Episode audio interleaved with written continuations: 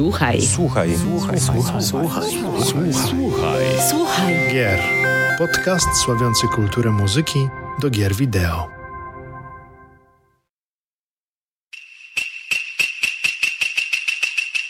Dzień dobry, dobry wieczór. Z wirtualnego studia, jak zawsze, kłania się w pas wasz wierny, zawsze uśmiechnięty samuraj Mariusz Borkowski oraz... Wiecznie zmęczony Paweł Dębowski. Aha, ty zmęczony. Dobra, dobra. Wiem, wiem, wiem, dlaczego jesteś zmęczony, ale pe pewnie dzisiaj będziemy o tym mówić. E, witamy drogie słuchaczki oraz szanownych słuchaczy, a także widzów już w 78. odcinku podcastu Słuchaj Gier, oficjalnego podcastu audycji serwisu gamemusic.pl, który sławi i przybliża kulturę muzyki oraz sound designu w grach wideo. E, no jak zawsze serdecznie z Pawłem zachęcamy Was do słuchania naszych podcastów oraz zapraszamy do subskrybowania kanału na Spotify, Apple Podcast, a także na YouTube. No i dziękujemy za Wasze dotychczasowe wsparcie w postaci komentarzy, a także łapek w górę oraz w dół. No i nie zapominajcie o tym takim pięknym, małym dzwoneczku. No i też również dziękujemy za Wasze obecne i przyszłe wsparcie e, na Patronite. No i oczywiście dziękujemy wszystkim e, patronom oraz osobom, które no tam wrzucają filiżankę na kofi dla Pawła, bo Paweł potrzebuje, jak gra po nocach. Później ja patrzę na tę godzinę, e, ile ty tam spędzasz. No, i tak za mało. Ja się powstrzymuję, żeby powiedzieć o tej grze, no ale dobra. Ta gra, ta gra, mój drogi, to będzie dopiero pod koniec. Ja tak? wiem, ja pod wiem, koniec miesiąca. Ja, więc ja się już, Jeszcze nie możesz się śmiać. Wiem, ja już zacieram rączki. Mm, w każdym razie... Mm, Moi drodzy, witamy Was w lepszym nowym roku 2024, w którym no, wspólnie z Pawłem życzymy Wam spełniania Waszych growo-muzycznych marzeń, a co najważniejsze, dużo zdrowia. I dzisiaj wspólnie z Pawłem. No, no. Aha, aha, a, a właśnie, o kurde. No to trochę wtopa. Przepraszam najmocniej. No, całkiem zapomniałem. No chyba zapomniałeś o kimś. No właśnie, całkiem zapomniałem o naszych gościach. A dokładnie niesamowitej zało załodze G, no pozostałych członków redakcji Game Music, którzy zawitali do naszego wirtualnego studia. No witajcie wszyscy, cześć. Cześć. Hello. Cześć. No cześć, cześć, cześć. No, y, Krzysztof Kuz, Iza Besztocha, Konrad Bylina-Brzożowski, Michał Jaskuła, Marcin Maśnaka. No to jest ogromna przyjemność móc e, was znowu słyszeć w naszych skromnych progach i też e, jesteście taką jakby szarą eminencją, a Konrad stara się dosyć często nas odwiedzać, dlatego tym bardziej cieszymy się z Pawem, że jesteście razem z nami i że będziemy mogli dzisiaj podsumować ten, ten rok. No właśnie, ten rok. I powiem wam tak, że no zaraz oczywiście każdy, od każdego z was e, usłyszymy te top 3, taką trójkę najlepszych albumów waszym zdaniem. A może się nawet jeszcze zdarzy i będziemy mieli chwilę czasu, żeby powiedzieć o takim jednym zawodzie e, tego minionego roku. Ale ja wam powiem szczerze tak, jeżeli chodzi o mnie, ten rok 2023 niekoniecznie pozytywnie wpłynął na premiery ścieżek dźwiękowych do gier wideo. No, ja mam, odczu, odczuwam, że spora część z nich no, nie miała jakby własnych premier lub w zalewie pozostałych soundtracków no, nie otrzymała szans no, do przybicia się do większej świadomości odbiorców.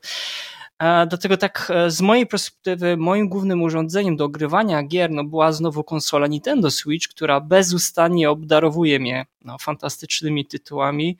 No, a co ważne, sprawia mi też dużo radości. Pewnie wy też przez chwilę powiecie, na jakiej konsoli bądź sprzęcie ogrywaliście.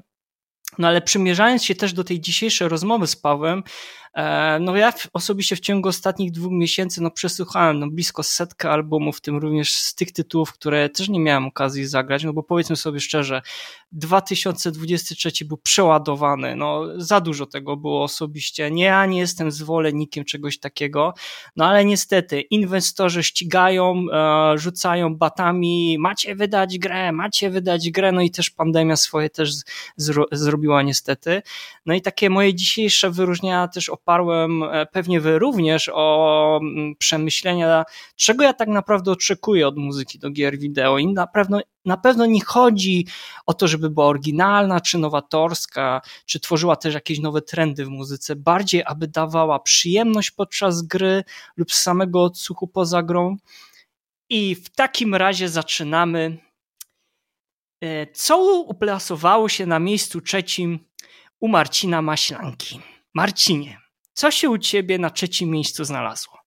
No u mnie, nie wiem czy nie, nie wybije się trochę od reszty, bo nie no, jest to uwierz soundtrack... mi, że się dzisiaj nie wybije. nie jest to soundtrack z gry AAA, y, z gry, której, o której było głośno przed jej, jej premierą. No, jest to soundtrack z niezależnego studia Wishful i mowa tu oczywiście o grze, którą recenzowałem, czyli Planet of Lana i muzyce autorstwa Takeshiego Furukawy.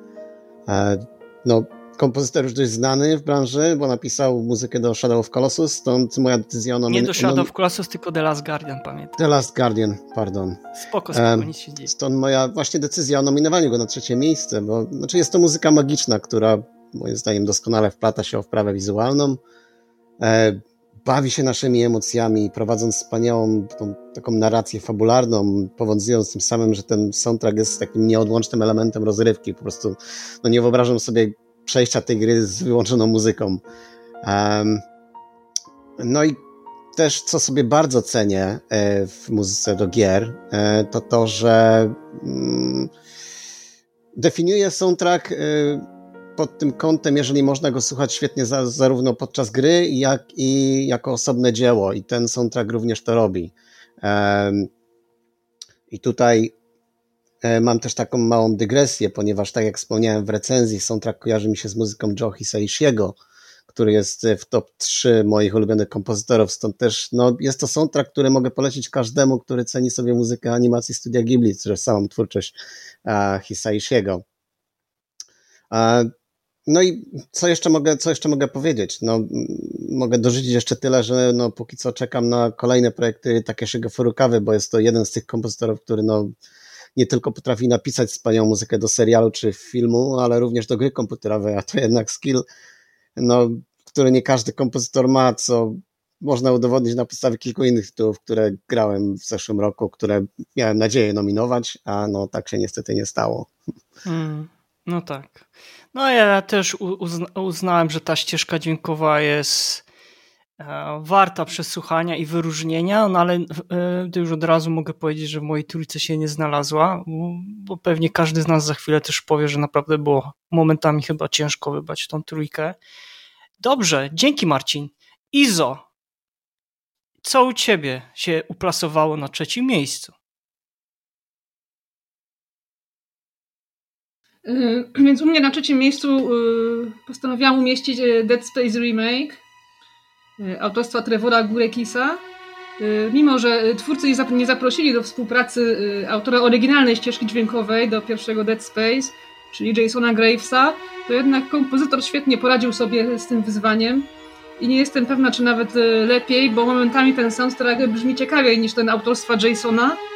Na przykład zastosował kompozytor zastosował, zastosował świetne etniczne bębny w niektórych utworach, Y, czy też dźwięki potworów jakby żywcem wzięte z trzeciej części gry, które zostały zaimplementowane w utworze The Hive Mind na przykład, także y, bardzo jestem pod wrażeniem tego soundtracku do, do remake'u tej gry. No i ogólnie cały soundtrack jak i sound design y, trzymają bardzo w napięciu, więc dla mnie jest to w pełni zasłużone trzecie miejsce.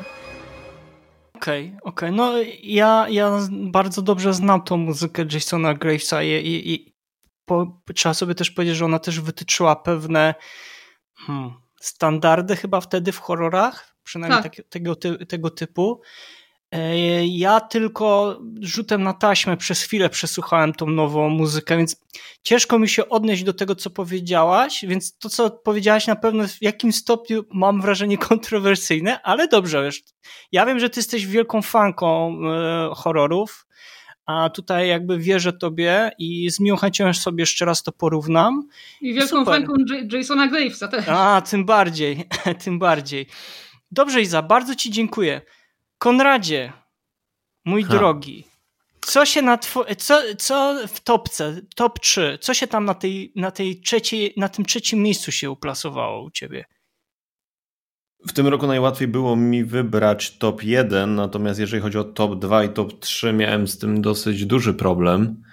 I, i myślę, że będzie dosyć zaskakująco, yy, zwłaszcza gdy dojdziemy jeszcze do, do najmniej ulubianej yy, ścieżki dźwiękowej. E, nie wiem, czy wolno, ale u mnie e, na trzecim miejscu będą dwa soundtracki. Mm. Okej, okay, oszukujesz system, no dobrze, dajesz. Z prostego względu uważam, że oba warto wymienić, natomiast nie mhm. ciężko byłoby mi wybrać, który mi się personalnie bardziej podobał. I e, na trzecim miejscu u mnie będzie Diablo 4, egzekwo z Hogwarts Legacy. Uuu. Tak dość nietypowo, wiem, w ogóle w tym roku... Powiedz, nie, wytłumacz się, czemu tak. Diablo? Czemu, czemu Diablo? Bo Diablo... No właśnie, czemu Diablo? bo Diablo 4 troszeczkę mi przywiódł soundtrack z dwójki i mhm. o dziwo wracałem do soundtracku z Diablo 4. Sama gra nie. Jak najbardziej mhm. przestałem grać w Diablo 4 stosunkowo szybko bo, Uratowałeś bo... mnóstwo sobie godzin życia, że tak powiem. Tak, tak, tak mi się wydaje, że jednak ten, ten mozolny grind w, w late game po prostu yy, byłby rzeczą, która by mnie i tak odbiła prędzej czy później. Yy, mimo tego, że mam słabość do rogatych kobiet. Chyba to jest ta rzecz, która mi najbardziej nie odpowiada, że nie można się opowiedzieć po stronie Lilith. Natomiast soundtrack bardzo mi odpowiadał to, to, mhm. co, to, co tam się y, w nim działo. Natomiast Hogwarts Legacy w mojej opinii udało się stworzyć y, muzykę nie tak odległą od y, tego, do czego nas John Williams w filmach przyzwyczaił. Albo Jeremy Soul też w grach Harry Albo Pottera. Jeremy Soul w grach, mhm. tak. Aczkolwiek w stare gry Harry Potterowe nie grałem. Natomiast Hogwarts Legacy faktycznie dla, dla fana y, książek i filmów zdecydowanie mm, brzmiał znajomo, ale w fajny sposób. Nie brzmiało to, to wtórnie. E, I, I dlatego te dwa soundtracki na, na tym samym miejscu, bo uważam, że oba jako AAA-owe soundtracki wyjątkowo zasługują na jakieś tam zauważenie. E, chociaż e, no żaden z nich nie był jakoś szczególnie wybitny e, mhm. i odkrywczy. I to jest, to jest mój problem z 2023, że tak naprawdę tylko jeden soundtrack mi zrzucił buty e, okay. z nóg i, i, rozwalił na łopatki. Okay, to ale jestem naprawdę... Jestem ciekawa, czy domyślam się, ale mogę też być w błędzie. Jak ktokolwiek mnie zna, ten już wie i tak, no, co ja będzie na domyślam. pierwszym miejscu. E, Krzysztofie, Krzysztofie, Trzecie miejsce. Co, co, co wrzuca, wrzuciłeś na trzecie miejsce? Wiesz co, ja w tym roku y, w ogóle poszedłem w y, doświadczenia filmowe, jeśli chodzi o, o ścieżki dźwiękowe. Czyli jakoś... Marvel, Marvel i DC. Mm, to mogę być faktycznie w mniejszości, bo na moim miejscu trzecim jest właśnie y, soundtrack do Spidermana dwójki. O. Um, ponieważ on nie jest niczym nowatorskim, nie jest niczym mhm. e, e, rewolucyjnym, ale sama gra jest na tyle fenomenalna, że ona bez tego soundtracku byłaby zdecydowanie e, mnie, miałbyś mniej odczuwalne wrażenie tej superbohaterskości w tej całej grze.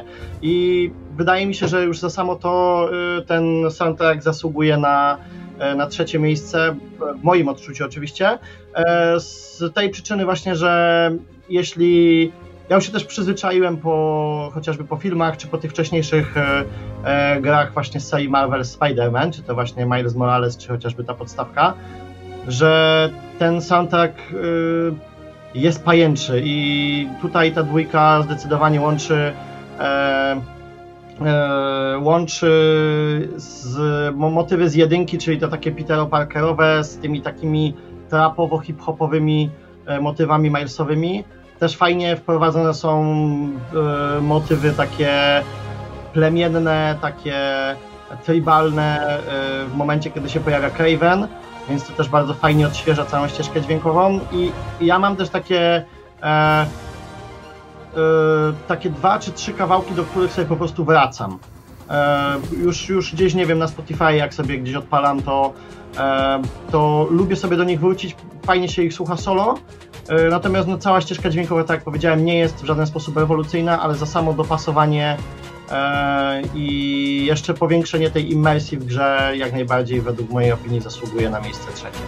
Okej, okay, super. Kiedyś musimy nagrać, e, Krzysztofie, podcast o, o muzyce do Spider-Manów z twoim udziałem. Wtedy... Tak, ja wiem, ja wiem, że ty masz nieco inne zdanie na temat. No ja mam trochę, dlatego mi się wydaje, że to byłoby niezłe, zdanie, niezłe zderzenie, a Paweł też ma swoje zdanie.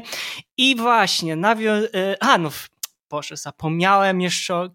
Michale, twoje miejsce trzecie w takim razie. E, Pabl Pabla zostawiam jako Deser. No, specjalne miejsce. Specjalne Truskawkę na torcie. Tak jest, to jest wisienka na torcie.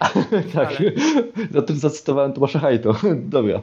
E, ja tylko wspomnę na początek, że wszystkie trzy miejsca u mnie zajmują e, jakby podobne miejsce w sercu. Wszystkie trzy mi się super podobały e, i tylko niuanse i detale mm, wyróżniły po prostu i uplasowały na, na kolejnych stopniach. I na trzecim miejscu, o dziwo, sam jestem zaskoczony po, po przemyśleniu samym sobą. Znalazł się Baldur's Gate 3. E, tak, właśnie okay. to jest ciekawe właśnie, bo najczęściej słuchanym artystą przeze mnie na Spotify był Borysław Slawow.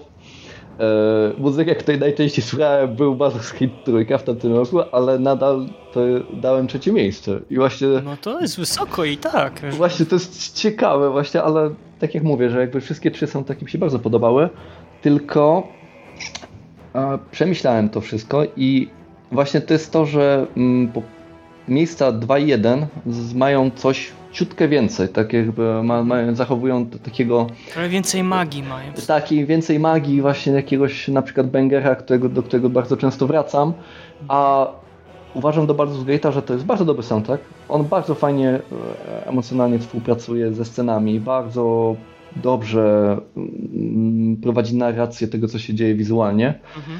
E, I super, genialna robota. W ogóle bardzo się nie mogę doczekać koncertu, żeby to jeszcze na, na żywo wszystko fajnie usłyszeć.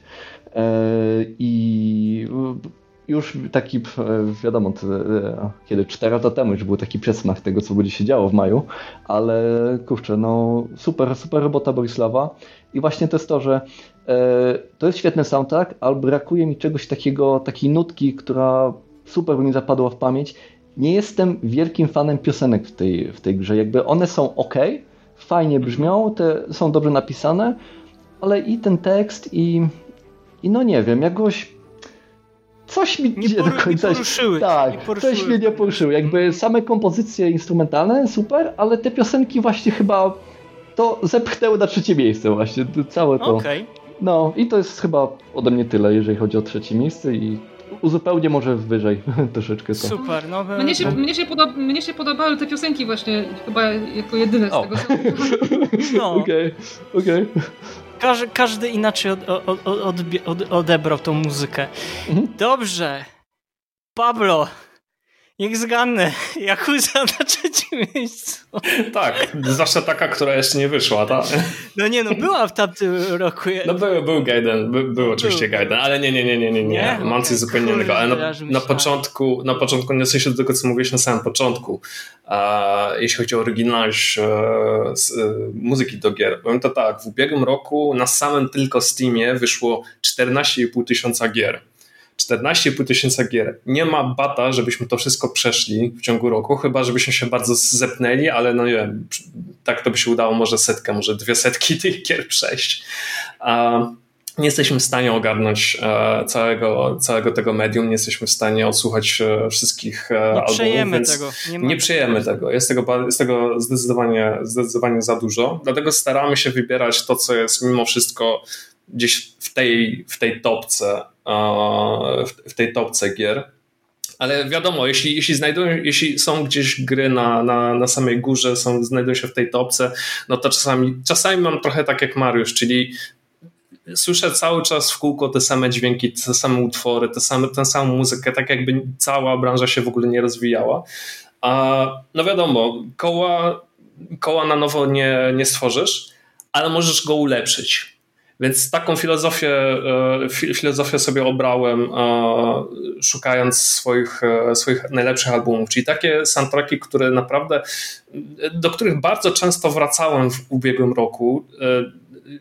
Często ich słuchałem, do których bardzo często wracałem i które dają z siebie coś jeszcze, jakiś taki dodatkowy element, dodatkowy taki twist, gdzie który pozwala mi powiedzieć, że te albumy, te soundtracki troszkę wychodzą poza tę swoją podstawową rolę, czyli są po prostu jakimś backgroundem w, w grze, czy nie wiem, są jakimś umilaczem czasu. Um, I to tak, e, to, było, to była taka lekka dygresja. Jeśli chodzi o moje trzecie miejsce, powiem tak, e, jeśli chodzi o pierwsze dwa miejsca, to tutaj dla odmiany w tym, w tym roku miałem e, bardzo łatwe zadanie, ale jeśli chodzi o trzecie miejsce, to tutaj miałem potężną zagwozdkę. I tak przeglądałem sobie te wszystkie albumy z, całego, z całego roku. I tak drogą eliminacji mój pierwszy taki wybór padł na Hi-Fi Rush, Uuu. Gdzie, mm, tak, czyli Nine Inch tak.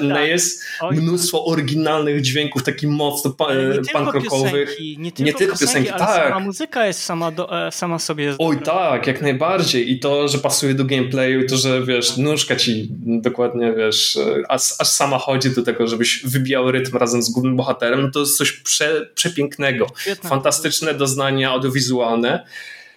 Ale pod koniec roku rzutem na taśmę dostaliśmy e, Alana Wake'a 2. Czyli I piosenka Show me the... O Jezus, wiesz, w Alanie Wake'u najważniejsze są metafory, najważniejsze są e, obrazy, e, elementy dialogu, wszystko to, co można pod, podrzucić pod symbolikę, symbol, symbolikę, symbolikę do, do, do metafor i tak dalej i do tego, do tych do tego worka elementów e, spokojnie mógłbym wrzucić tam e, muzykę, tak? Te wszystkie utwory, które grane są między rozdziałami, no też w pewien sposób e, opowiadają historię Alana i tego, co się dzieje dookoła. Te utwory, które słyszymy również w trakcie podróży, no też budują tę warstwę nie tyle dźwiękową, ale narracyjną całej gry. To jest bardzo rzadkie, spotykane i cholernie trudne do zrealizowania. Nie wiem, coś takiego ostatnio usłyszałem w Life is Strange pierwszym.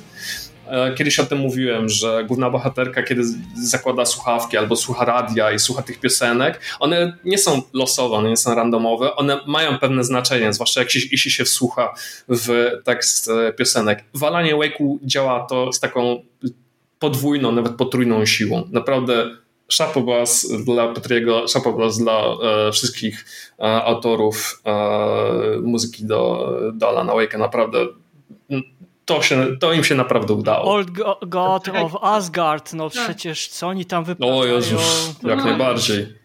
Paweł, czyli Alan Wake jest twoim top 3, tak? Tak, na trójce, okay. na trzecim miejscu jest. Paweł no, po prostu, wiesz, takie, taką zmyłkę nam dał.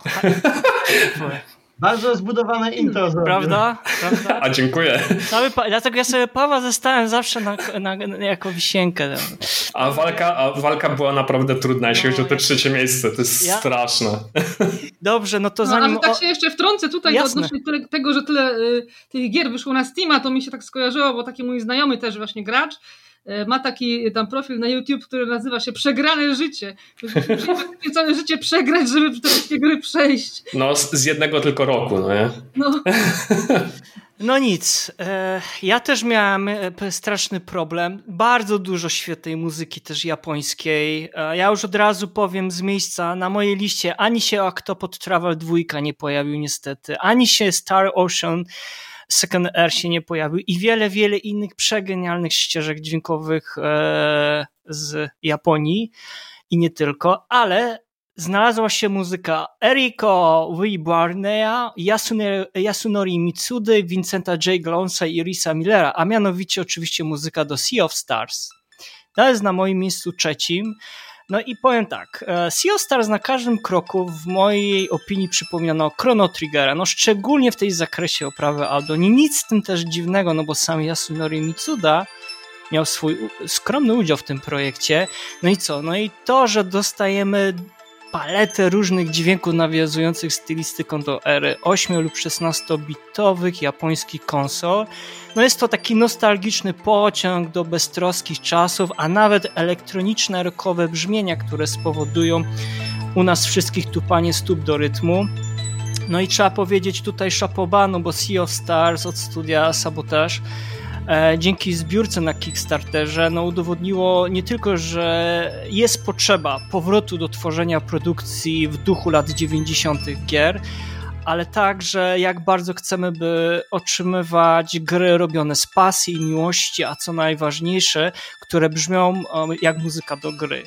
E, no bardzo polecam tutaj nie tylko samą grę, ale również przesłuchanie ścieżki dźwiękowej do Sea of Stars, a także odsyłam do recenzji Pawła na stronie Game Music. A to były nasze miejsca trzecie. Teraz przejdźmy może do miejsca drugiego. I tutaj, bo Iza się zaczęła odzywać. Iza, co na twoim miejscu drugim się znalazło? No u mnie na miejscu drugim jest y, bezapelacyjnie Alan Wake 2. No proszę, już mamy drugiego Alana Wake'a. Okej. Okay. no będzie głosowanie później. No. Gdyby ten soundtrack ukazał się oficjalnie jako album, no to byłby pewnie na pierwszym miejscu u mnie, jednak oceniając go musiałam bazować na tym, co słychać w grze, gdyż soundtrack się jeszcze niestety nie ukazał i nie wiadomo, czy się w ogóle ukaże. Tak, ma się w styczniu ukazać. Już Petri powie, y, pisał w grudniu, że się ukaże. O, to super, fajnie. W wersji cyfrowej. No, więc w grze no, brzmi on bardzo dobrze. Petri Alanko po raz kolejny udowodnił, że ma talent do pisania zarówno ładnych melodii, jak i trzymających w napięciu horrorowych sekwencji. No do tego jak zwykle otrzymujemy ciekawy zestaw utworów w ramach muzyki na licencji, czyli to co było w pierwszym Alanie Wake'u, no i potem w, też w Quantum Break i w Control. No wszystkie chyba gra Remedy, tak? Wszystkie tak, piosenki, ja w ogóle uwie, uwielbiam gry od, gry od Remedy, więc jestem wielką fanką tego studia, chociaż oni robią specyficzne produkcje, które nie są dla każdego. No, no i na szczęście, na szczęście. No na szczęście. No i powracają znani też z pierwszego Alana Wake'a oraz Control, y, muzycy, co już mówiliśmy, z zespołu Poets of the Fall, którzy w grach występują jako Old Gods of Asgard. No i tutaj wykonują między innymi zabawny utwór opowiadający o perypetiach Alana, który został świetnie zaimplementowany w rozgrywkę. Zupełnie jak ich kawałek e, Take Control, który towarzyszy nam e, w labiryncie popielniczki w grze Control, także to hmm. akurat super im wyszło. I piosenki w ogóle, które się pojawiają e, między rozdziałami, tak. jest coś takiego. To jest w ogóle. Oni tam chyba zatrudnili kilka zespołów, żeby napisały piosenki te zespoły do, do gry.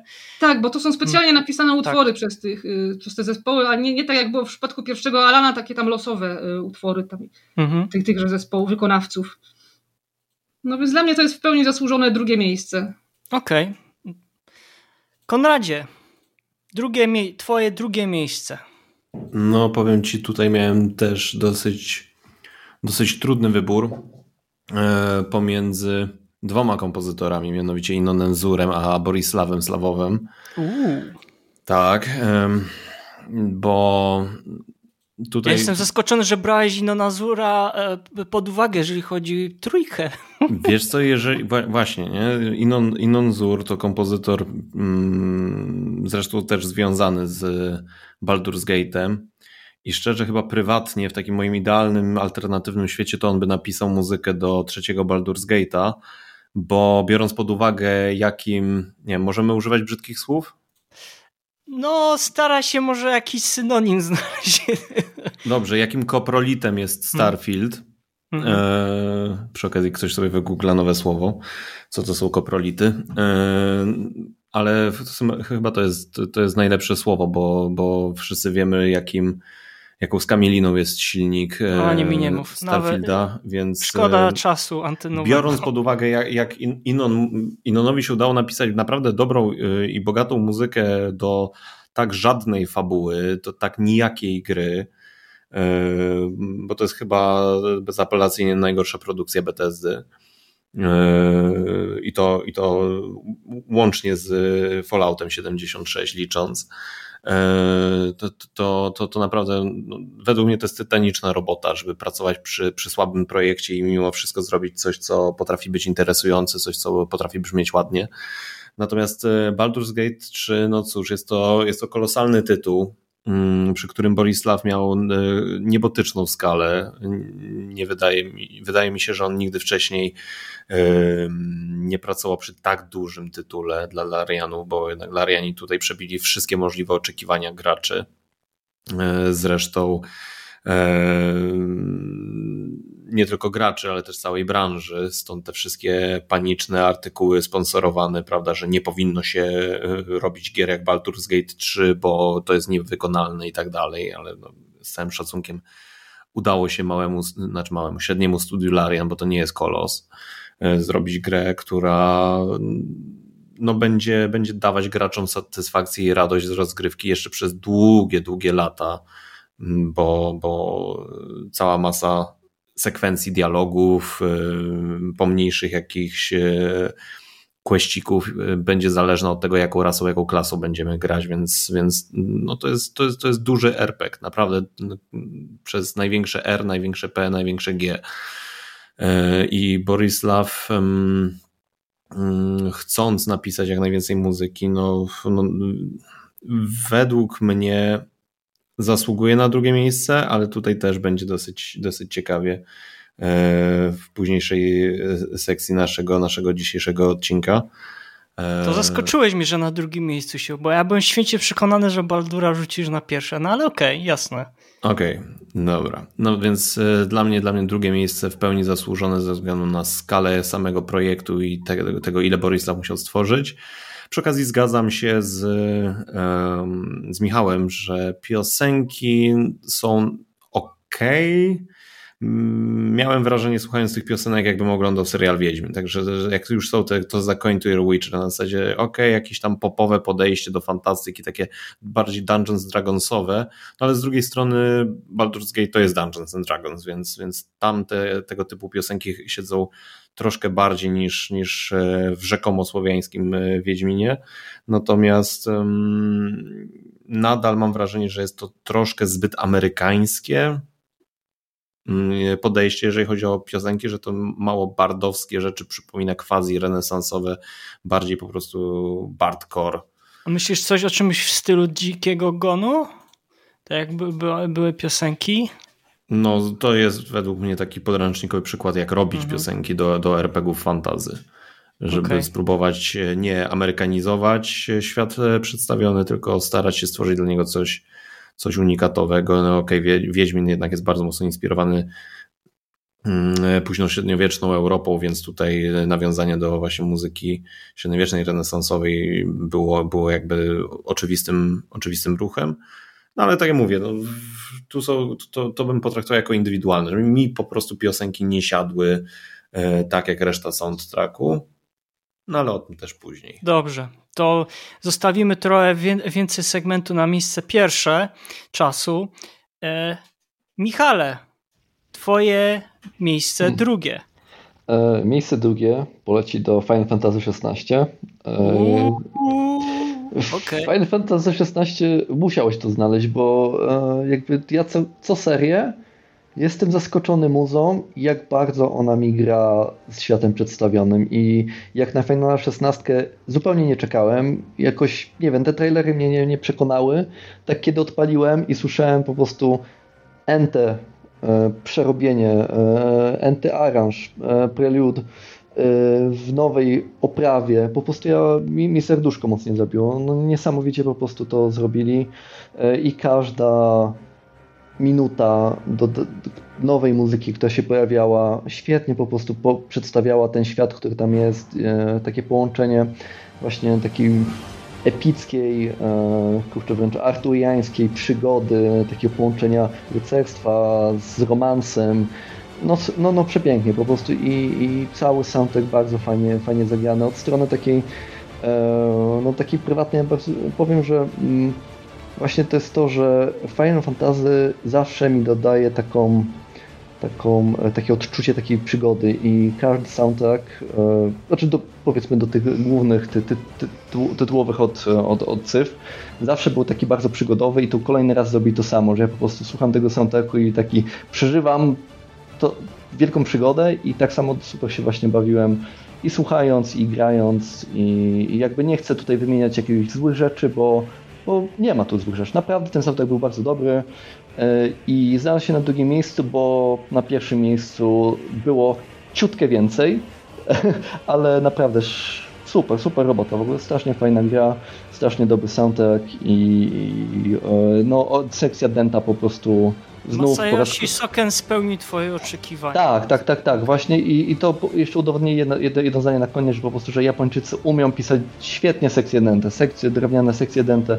po prostu są mistrzami świata w tym i e, i po prostu Final Chance 16 po prostu każdą emocję, każde jakieś tam misję po prostu podkreślał ty, ty, ty, tymi sekcjami i super to zabrzmiało. Strasznie się, strasznie lubię ten soundtrack. Tyle. Miło słyszeć, skradł twoje serce. Tak Dobrze. jest. Dobrze. Krzysztofie, twoje miejsce drugie. Ja miałem tutaj duży dylemat, y, ale przez to, że sobie wybrałem jakiś taki filtr właśnie tej filmowości, bo miałem dylemat właśnie między Baldur's Gate 3 a tym, co jest teraz u mnie na miejscu drugim i im bardziej porównywałem sobie przez ten mój właśnie filtr i moje jakieś takie subiektywne odczucia na temat muzyki do gier, tym bardziej tym słabiej wypadała muzyka Borisława Slawowa, mhm.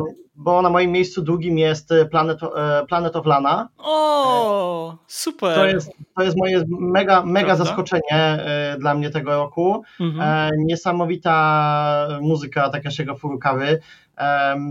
Idealnie wpisuje się w to, czego szukałem w 2023 roku, jeśli chodzi o muzykę z gier. Mhm. Jest taka dystyngowana, jest bardzo Kolorowa ładnie, jest bardzo. Tak, jest bardzo mhm. ładnie zmiksowana, jest taka jasna, czysta taka mhm. E, w całej tej swojej kompozycji. Chyba e, najbardziej, naj, naj, utworem, który mi najbardziej zapadł w pamięć to jest e, Mit Mój, jest dość krótki, bo chyba tam minutę 20 ma, czy, czy jakoś minutę 30, ale jest niesamowicie mi przypomina takim klimatem, taki trochę taki trochę miks pomiędzy e, OI and The Blind Forest, w ogóle muzyką z całej OI, a animacjami studia Ghibli. To było dla mnie takie dziwne, bo mi się te pierwsze, te, te, te, te dwa światy się z, jakoś u mnie w głowie zderzyły słuchając tego utworu.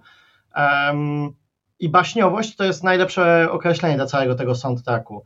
Um, I tak jak też y, przesłuchiwałem ten soundtrack, tak później też przeczytałem E, recenzję Marcina i że polecam ją przesłucha- przeczytać, bo jest fajnie napisana i też zgadzam się praktycznie ze wszystkim, co, e, co Marcin tam zawarł, więc e, tak, of Lana to jest moje miejsce drugie. No proszę, to mamy egzekwo już dwa tytuły, Alan Wake i tutaj mamy of Lana.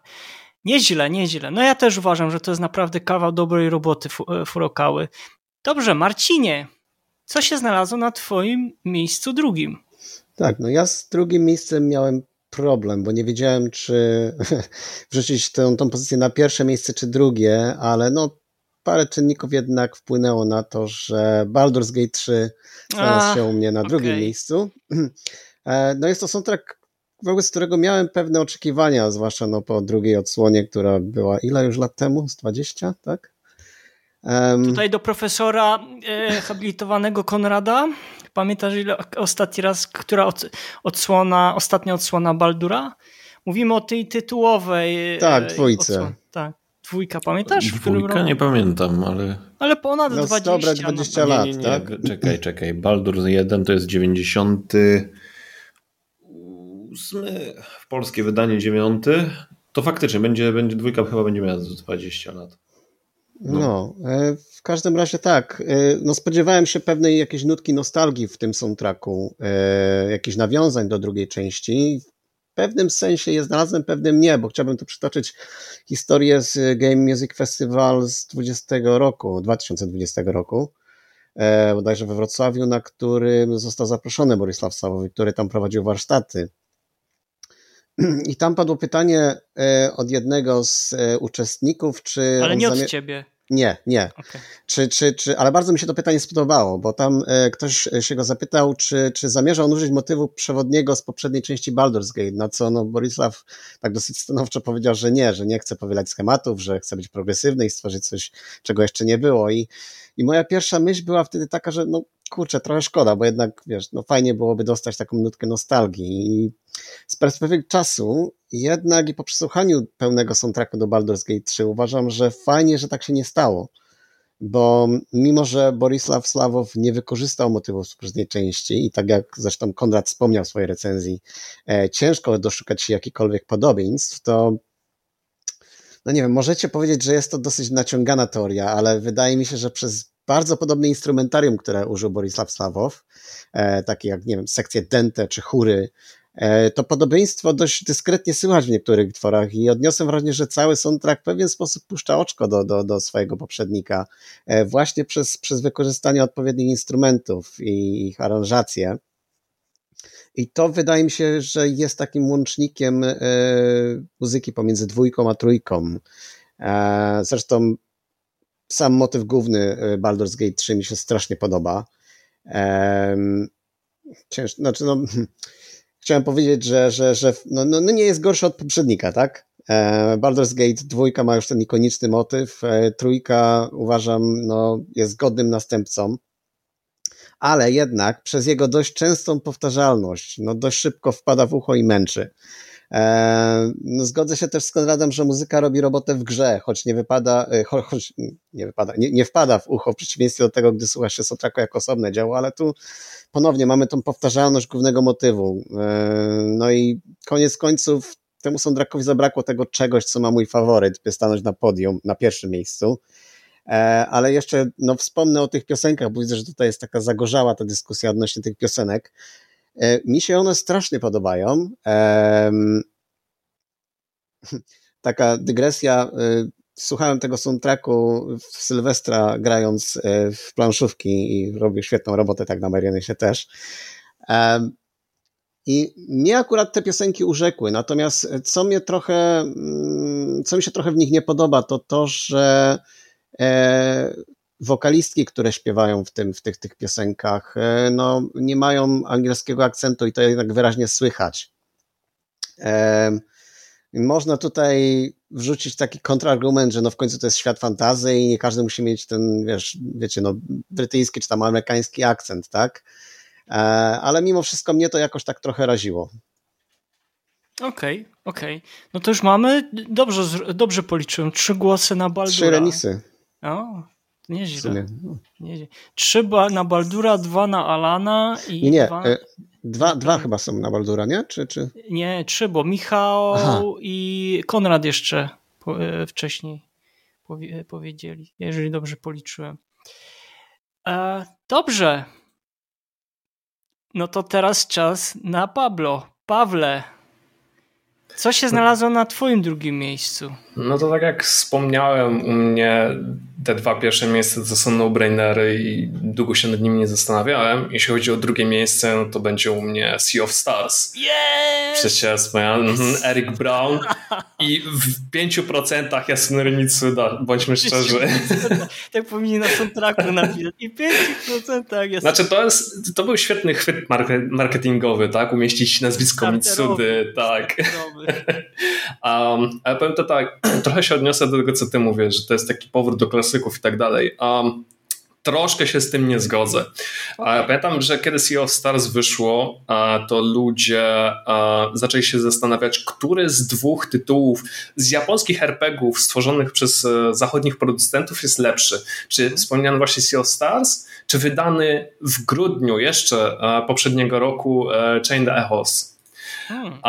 Bo również Chained Echoes stworzony w praktycznie w pojedynkę przez e, mafi ma Mafiasa Lindę i z muzyką Ediego e, Markiropa. Um, też mocno nawiązywał do tych e, klasycznych RPGów, zwłaszcza z tej ery 16-bitowej, Secret of Mana, Breath of Fire, Final Fantasy VI itd., itd. Tak I to była naprawdę kawał fantastycznej gry.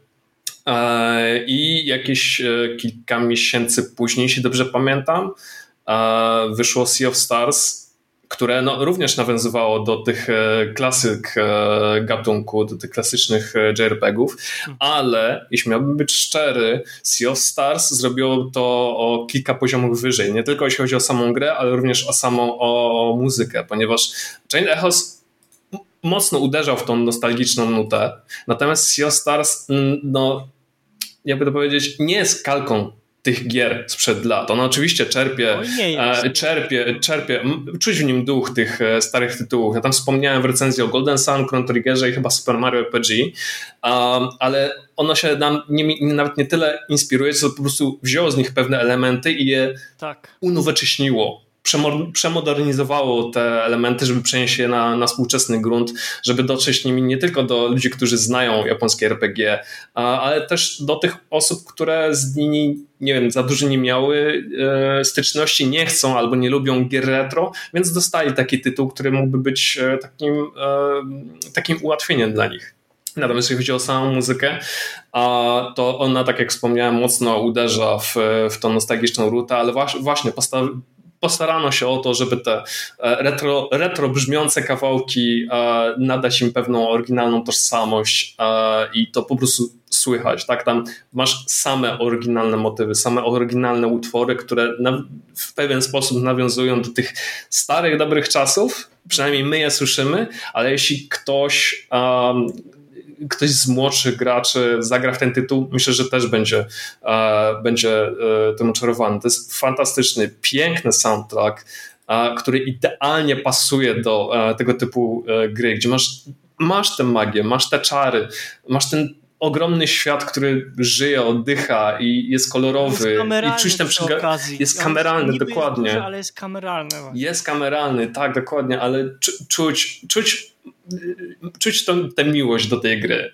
od początku do końca. No i to jest, co jest najważniejsze, że soundtrack w tej grze jest mocno imersyjny. I tutaj, tak. I tutaj zwracam na to uwagę, że w grze można było zmienić e, porę dnia, tak. Czyli mieliśmy e, dzień i noc i tutaj utwory się też zmieniały pod kątem melody, melody, melody, melodyczności. Tempo, dynamiki. No Tempo, dynamika, wszystko. Tak. Czyli mamy już dwie wersje tego, tego samego utworu, no i jeszcze mamy trzecią wersję tego samego utworu, mianowicie taką, która jest odgrywana w tawernie przez piratów, także o, tak. Ta, także to naprawdę robi, robi fantastyczną robotę. Także tak jak mówiłem, Chain the Host jest naprawdę świetną grą, ale Sea of Stars zrobiło wiele rzeczy naprawdę te kilka poziomów wyżej z soundtrackiem e, na samym szczycie. Super. No, ja, te, ja też na początku się zastanawiałem, gdzie uplasować Sea of Stars, ale uznałem, że no, trzecie miejsce to będzie najbardziej sprawiedliwe, a najważniejsze, że, że się poja, pojawiło, pojawiło w mojej topce i się bardzo cieszę z tej ścieżki dźwiękowej.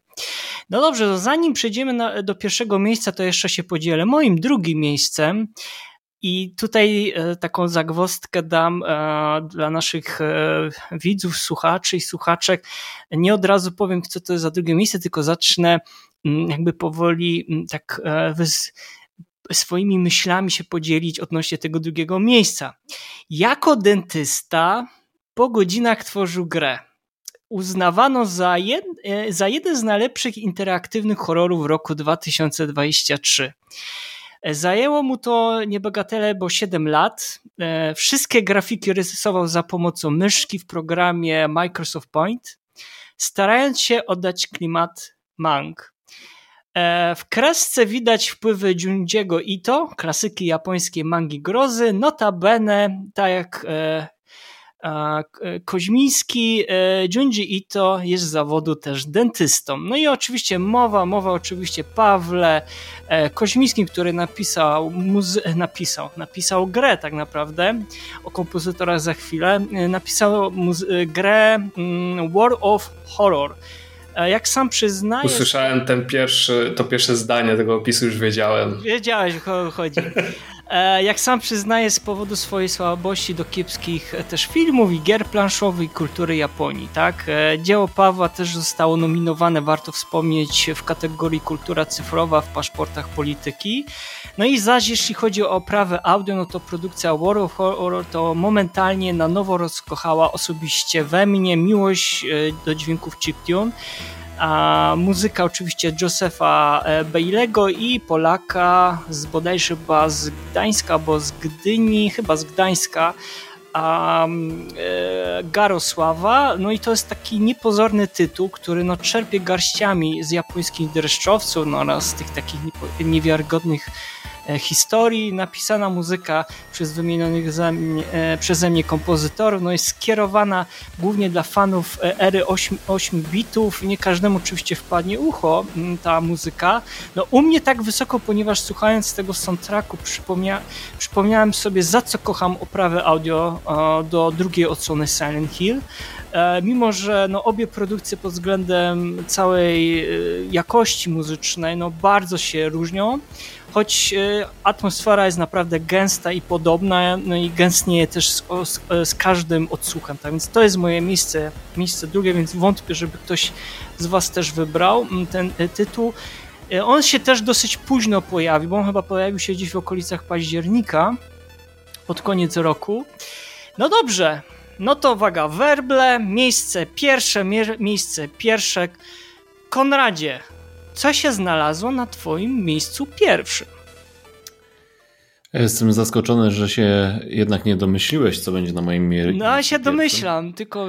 Ale tak, jakby jeden z dwóch wyborów, skoro nie Baldur, no to Pity Adamczyk i Jacek Paciorkowski w tym roku po raz kolejny udowodnili, że muzyka elektroniczna ma bardzo dużo do zaoferowania, szczególnie w grach wideo. Mm, więc e, na moim pierwszym miejscu jest Cyberpunk 2077 Phantom Liberty Original Soundtrack. E, to co, to, co panowie Adamczyk i Paciorkowski zrobili no, zachwyca, bo udało im się zrobić zarówno mm, fantastyczną ścieżkę e, w stylu kina szpiegowskiego, jak i też nawiązywać tu i ówdzie do klasyki cyberpunka. Zdarzało mi się słyszeć e, barwy nawiązujące do Wangelisa, soundtracku do Blade Runnera, czy też mm, soundtracku z Ghost in the Shell. Mm, te wszystkie chóry wokale japońskie bardzo pięknie korespondowały pośród ciężkich, pulsujących e, syntetycznych ostinat. Jest to, jest to też dla mnie dodatkowe odkrycie, bo przez wszystkie lata, odkąd stał się popularnym, e, jednym z najpopularniejszych polskich muzyków, e, udawało mi się unikać i nigdy nie usłyszeć ani jednego wykonania jakiejkolwiek piosenki Dawida Podsiadło, więc dla mnie to było zupełne wejście terra incognita z jego wokalem i piosenka mm, tytułowa Phantom Liberty jest, jest absolutnie genialna i zawiera wszystkie elementy składowe reszty soundtracku. Um, jest to, jest to soundtrack, do którego wracałem bardzo często poza grą yy, i, i szczerze no nie spodziewałem się, yy, znaczy okej, okay, spodziewałem się jakości, spodziewałem się tego, że muzyka będzie co najmniej tak dobra jak w podstawce w Cyberpunku 2077, ale szczerze, z całym szacunkiem dla fantastycznej roboty przy podstawce Pitiego, Marcina Przybyłowicza i e, Paula Lenarda Morgana, który przecież też jest wybitnym kompozytorem, to co usłyszałem Phantom Liberty było dużo ciekawsze. Mm, teoretycznie stonowane, ale według mnie po prostu precyzyjnie sfokusowane na to, co, na, na historię, którą, którą trzeba było opowiedzieć bardziej niż sam świat, który już został opowiedziany zarówno w radiostacjach, jak i właśnie w soundtracku do podstawki. I uważam, że, y, że ten soundtrack wraz z historią z Phantom Liberty pokazuje, że CD Projekt spokojnie mógłby zrobić jeszcze jeden, dwa duże dodatki do 2077, zanim się wezmą za kontynuację w kolejnej grze serii Cyberpunk. Hmm. No, y, tu trzeba faktycznie przyznać, że skala jednak robi różnicę. Mniejsza skala, y, więcej sfokusowania poświęcenia czasu na doszlifowanie tej muzyki. Poza tym oni chyba też bardzo dużo zaczerpnęli tego doświadczenia z podstawki, co się przełożyło na, na, to, na tą muzykę. O tym kiedyś trzeba byłoby też nagrać odcinek, e, nie przedłużając, dzięki e, Konradzie, więc mamy już Konrada Więcej będzie to... wkrótce w recenzji, która niebawem będzie na gamemusic.pl. I tu będziemy odsyłać naszych e, widzów, słuchaczy i słuchaczek i też czytelników. Dobrze. Marcinie, co się u ciebie znalazło na miejscu pierwszym? Zacznę od nazwisk. Myers, Rakowski, Murray i Horowitz, czyli nic innego jak e, soundtrack do Hogwarts Legacy. No proszę, A... no i mamy, mamy tu kolejne, kolej, kolejną tutaj tak. dwójkę. No, no nie ukrywam, jest to mhm. jeden chyba z najbardziej, albo z bardziej ambitnych soundtracków, jakie przyszło mi no, przesłuchać w mojej, muzycz, mojej muzycznej przygodzie. E, jest to zwyczajnie no, soundtrack magiczny, jeśli miałbym go opisać jednym słowem. Jest no, magiczny nie dlatego, że jest osadzony w świecie Harry'ego Pottera, ale dlatego, że w jakiś sposób jest zarówno różnorodny, jak i niezwykle spójny. E, I tak jak Krzysztof zresztą wspomniał w swojej recenzji, no mamy kompozycje nawiązujące do twórczości Williamsa, jak i kompletnie nowe kompozycje i e, to wszystko jakoś trzyma się całości, jest no, magicznie, filmowo, growo, e, ale przede wszystkim i właśnie co sobie najbardziej cenię i co spowodowało, że ten soundtrack znalazł się na pierwszym miejscu, to to, że jest niezwykle ambitnie i, i o ile to dobre słowo, kompleksowo, e, bo tam, tam nie ma żadnej przypadkowej nuty. E, wszystko jest skrzętnie skomponowane. Mamy zmiany tempa, rytmu, stylu, mamy zatrważającą ilość detali i to wszystko jest w jakiś sposób, w jakiś magiczny sposób bym powiedział. Tak, i nieprzekombinowane. Pamiętam, że jak słuchałem tego soundtracku po raz pierwszy, to pomyślałem sobie, no kurczę, szkoda, że nie ma tutaj na przykład motywu Hedwigi, tak? Ale no, z drugiej strony, dlaczego mielibyśmy mieć tutaj motyw Hedwigi w grze, której historia dzieje się bodajże 100 lat przed przygodami Harry'ego Pottera? Więc Hedwigi jeszcze w ogóle na świecie nie było. Zamiast tego no, mamy zachowany ten sam język muzyczny, czyli no, niemal identyczne instrumentarium i no, takie okazjonalne puszczanie oka w stronę tych już ikonicznych motywów Williamsa. E, zresztą wyczułem też parę referencji do e, późniejszych soundtracków Aleksandra Desplat, chociażby z ostatnich dwóch odsłon, dwóch, trzech odsłon nawet. No niemniej to wszystko jest zrobione bardzo rozsądnie i, i nieprzesadnie. E, wszystkie te, wszystkie te e, referencje. I w przeciwieństwie do Baldura, no mimo, że nie jest to soundtrack, który ma jakieś pamiętne motywy, tak jak właśnie Baldur, to mimo wszystko w jakiś magiczny sposób chce się do niego wracać Um, no, podsumowując, dla mnie jest to soundtrack po prostu napisany z niezwykłym rozmachem, ambicją i dbałością o szczegóły i to spowodowało, że chciałbym no, nominować ten soundtrack jako, jako soundtrack roku 2023. Szkoda, że te wszystkie afery zostały praktycznie niezauważone. Mm. No trudno. E, myślę, daje, że kto wie, że co jest dobre, no to, to jest najważniejsze, że dotarło do, do swoich widzów i słuchaczy. Dobrze, Marcinie, dziękuję.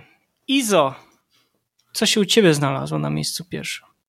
No może to być zaskoczeniem dla niektórych, ale y, ja wybrałam na miejsce pierwsze soundtrack do The Callisto Protocol. No to jest zaskoczenie naprawdę duże. To no, mów, co, co, co takiego tam, takiego zaskakującego było w twojej... Jest to soundtrack hmm? skomponowany hmm? przez y, czterech kompozytorów, y, y, znanych pod szyldem Finishing Move, którzy między innymi stworzyli ścieżkę dźwiękową do ostatniej odsłony Borderlands. No i mimo, że sama gra zebrała mieszane recenzje, no to mnie się podoba, gram w nią od kilku dni i uważam, że generalnie audio tam wymiata. Soundtrack w połączeniu z sound designem trzyma w wielkim napięciu, zwłaszcza jeśli gramy w słuchawkach. E, moim zdaniem jest lepiej w kwestii audio niż w Dead Space Remake i uważam, że to ta gra powinna otrzymać nagrodę za najlepsze audio zamiast Dead Space. No, w, Callisto Protocol bez przerwy coś, coś wyje, tłucze się w przewodach wentylacyjnych, są świetnie zaimplementowane pogłosy, bardzo podobnie zresztą jak w oryginalnym Dead Space, a e, czego mi miejscami brakowało e, w Dead Space Remake. Na przykład w początkowych sekwencjach, e, lokacjach gry, w tym remake'u było podejrzanie cicho, tak, jak, tak w kwestii muzyki, jak i sound designu. No i twórcy tego remake'u też zmienili dźwięki potworów, ale w jednym, co w jednym wypadku było bardzo dobrze wypadło, na przykład te pomniejsze nekromorfy brzmiały bardziej ludzko, jak były ranione, krzyczeli jak prawdziwi ludzie i to bardzo e, wpływało właśnie na, na imersję. No ale zmienili też e, ikonicznego dividera e, dźwięki, czyli takiego potwora, który się dzieli na mniejsze części, na mniejsze potwory, no trochę to zmienili i samego potwora też, no ale no to już była inwencja twórców. No ale, ale wracając do, do muzyki w Callisto Protocol, to te przeważnie utrzymane w szybkim tempie, oparte o potężne brzmienie syntezatorów kompozycje, no naprawdę robią w tej grze świetną robotę, więc y, warto posłuchać. No i y, z tego powodu właśnie y, uznałam to za najlepszy soundtrack minionego roku. Okej, okay, super. Super. No to same dreszczowce i horrory no. na twoim miejscu. tak. Ide, idealnie. Dobrze, że mamy ciebie w, za, w załodze, bo przy, przy, przynajmniej ty, ty się częściej zderzasz z, tymi, z tym gatunkiem niż my. A dzięki wielkie Iza. E, dobrze, Michale, co się znalazło u ciebie na miejscu pierwszym? A u mnie się znalazło na pierwszym miejscu gra, którą w sumie ostatnio e, skończyłem i jest to Hi-Fi Rush. A, I, no tak, i powiem ci, że jakby jestem mega zaskoczony też tym wyborem, bo Tutaj się odezwało po prostu moje chyba rock'n'rollowe serduszko i, i ja po prostu się zakochałem w tym, co, co, tam się dzieje, e, tym jak bardzo w ogóle twórcy fajnie połączyli muzykę z artworkiem, ze światem, ze wszystkim to działa. I no, e, sound design dodający właśnie te, te gitarki w tych kombach, no to wszystko współpracuje świetnie z muzyką. I to właśnie to było to coś więcej, ponad Final Fantasy XVI i Baldurem, które po prostu ja bardzo doceniam i e, jakby mi się wydaje po prostu, że to też jakby mm, to jest jakaś taka powiedzmy fajna lekcja dla, dla kompozytorów i muzyków obejrzeć tą grę, zobaczyć co tam się dzieje, bo to jest warty tytuł po prostu edukowania ludzi i, i ja to bardzo doceniam, dlatego wybrałem jako pierwsze miejsce. No jest świetna muzyka, jakby świetne rockowe utworki, które po prostu samo, same w sobie fajnie grają, dobrze są e, zmiksowane. Yy, świetnie się bawiłem przy tej grze, jakby czysty, pure fan tego, co się dzieje i tak jak yy, bardzo doceniam na przykład właśnie Cyberpunka, to tam się stało i utwór Dawida Podsiadło to był najczęściej słuchany utwór przeze mnie z gier w ogóle na Spotify'u. I, I, no świetnie, genialny i czytam utwór Netrunner w ogóle z Cyberpunka, dlatego też rozważałem nad tym pierwszym miejscu, ale jednak uznałem, że po prostu jak płynnie, jak szybko skończyłem tą grę Hi-Fi Rush, jak dużo takich wartości dodatkowej to ma, to uważam, że zasłużyła ta gra na pierwsze miejsce z mojej po prostu perspektywy. I, super, polecam wszystkim, żeby sobie zobaczyli, bo to jest naprawdę coś, coś innego i znaczy może jakby była próba nawiązania do takiego współpracy muzyki z, z, z, z gameplayem w postaci Helsingera w tamtym roku i tam było takie rytmiczne strzelanie i tak dalej, ale w Helsingerze tam się działo za dużo. Tam była strzelanka, akcja, to było jakby to byłem przebodźcowany tym, co się dzieje i ja jakby się w ogóle nie... operę wrzucił do Duma. Tak, ja się nie skupiałem w ogóle na tej rytmice. Jakby to było dla mnie za dużo, a w Hi-Fi Rush wyważenie perfekcyjne i super gierka, super muzyka.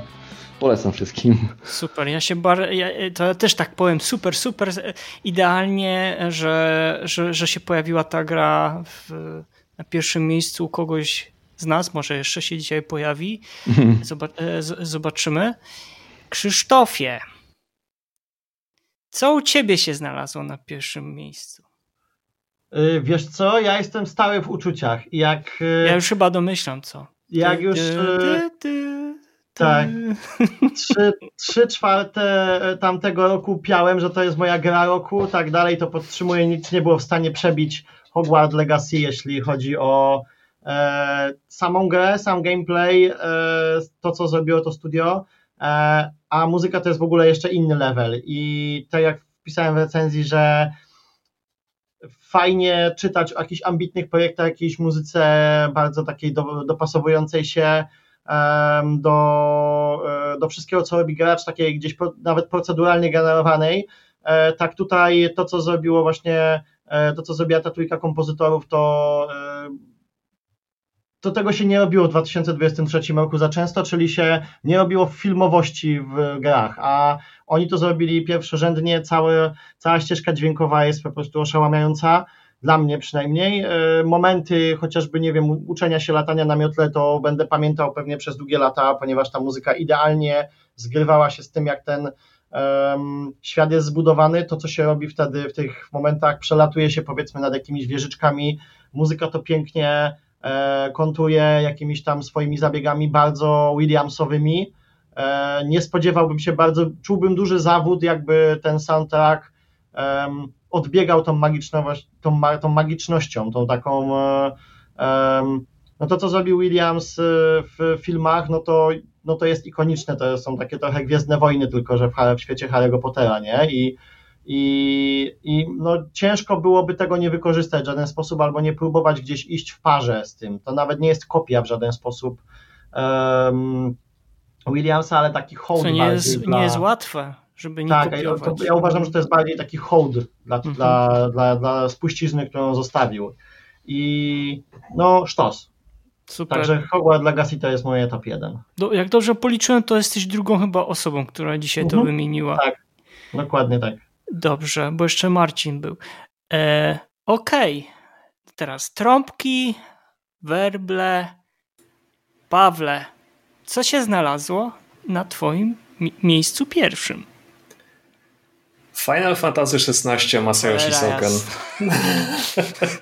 Czemu mi to robisz, człowieku? Nie, nie, żartuję. Y, no. Um, jasne. Tak jak powiedziałem, brałem pod uwagę tworząc tę swoją shortlistę e, album, do których najczęściej wracałem i to też mnie trochę zdziwiło, że do Final 16 powracałem bardzo często.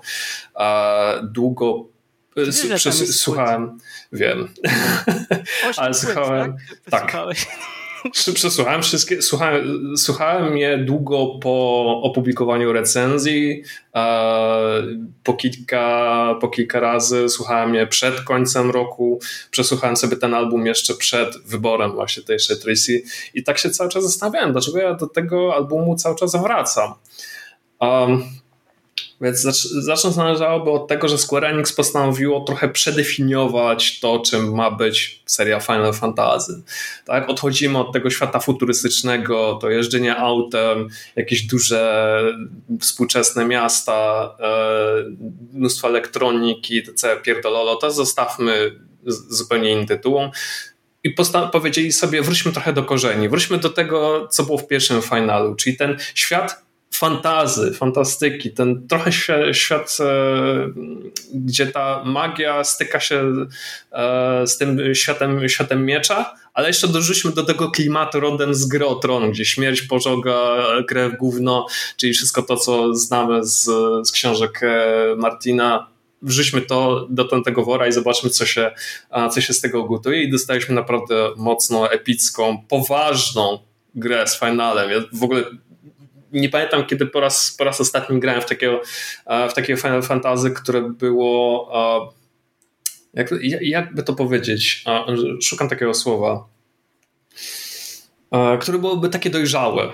Tak, bo y, poprzednie finale no, mieliśmy te jakieś drobne elementy. No, że mówimy o jakichś pobocznych Final jakieś po, jakieś, tak, mówię, mówię tu teraz o, tych, o, tej, o tej głównej a, serii, tak? Mieliśmy, tak, mieliśmy te jakieś tam wątki humorystyczne, troszkę, troszkę te romansowe, trochę, trochę naiwne, a, trochę przypominały te wszystkie, nie wiem, takie romansidła. No. Dla nastolatków, tak, a tutaj już dostaliśmy takie porządne, zaproszenie pierdolnięcie, gdzie no nikt się nie bawi w subtelności. Masayoshi Soken dostał naprawdę trudne zadanie, tak? a mówimy tutaj o człowieku, który wcześniej stworzył jakieś, jeśli dobrze liczę, jakieś 600 utworów do Final Fantasy XIV, która jest grą MMO, czyli to już w ogóle zupełnie inna historia i nagle rzucili go no, naprawdę głęboką wodę, tak? Powiedzieli mu, ej, masz stworzyć soundtrack do e, gry, która jest osadzona w takich klimatach semi-średniowiecznych, ma być poważnie, ma być epicko, no nie? I mówisz to do człowieka, który praktycznie e, był jedną nogą w grobie, tak? Ci, którzy się interesują, to wiedzą, że Soken e, tworzył soundtrack leżąc sobie w szpitalu, tak? bo Soken jest mutantem. I udało mu się udało mi się to stworzyć. Udało mi się stworzyć soundtrack do nowego, przemodelowanego świata e, Finala, który jest,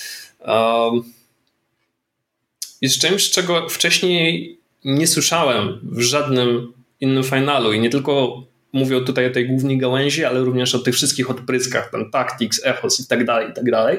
Final Fantasy XVI jest naprawdę nowo zdefiniowanym finalem od A do Z, włączając w to, e, w to muzykę. Ja pamiętam, że napisałem w w recenzji, że mm, brakuje trochę zabaw z różnymi stylami, z różnymi gatunkami muzycznymi, że ten album jest taki trochę, pod tym kątem jest trochę jednostajny, tak, że dostał Soken zadanie, żeby żeby podążać tylko ten, żeby podążać tym jednym kursem, że ma być dużo wszystkiego, ma być donośnie, ma być epicko, ale bez, e, bez tej szczypty magii, którą znaliśmy z poprzednich, e, z poprzednich odsłon.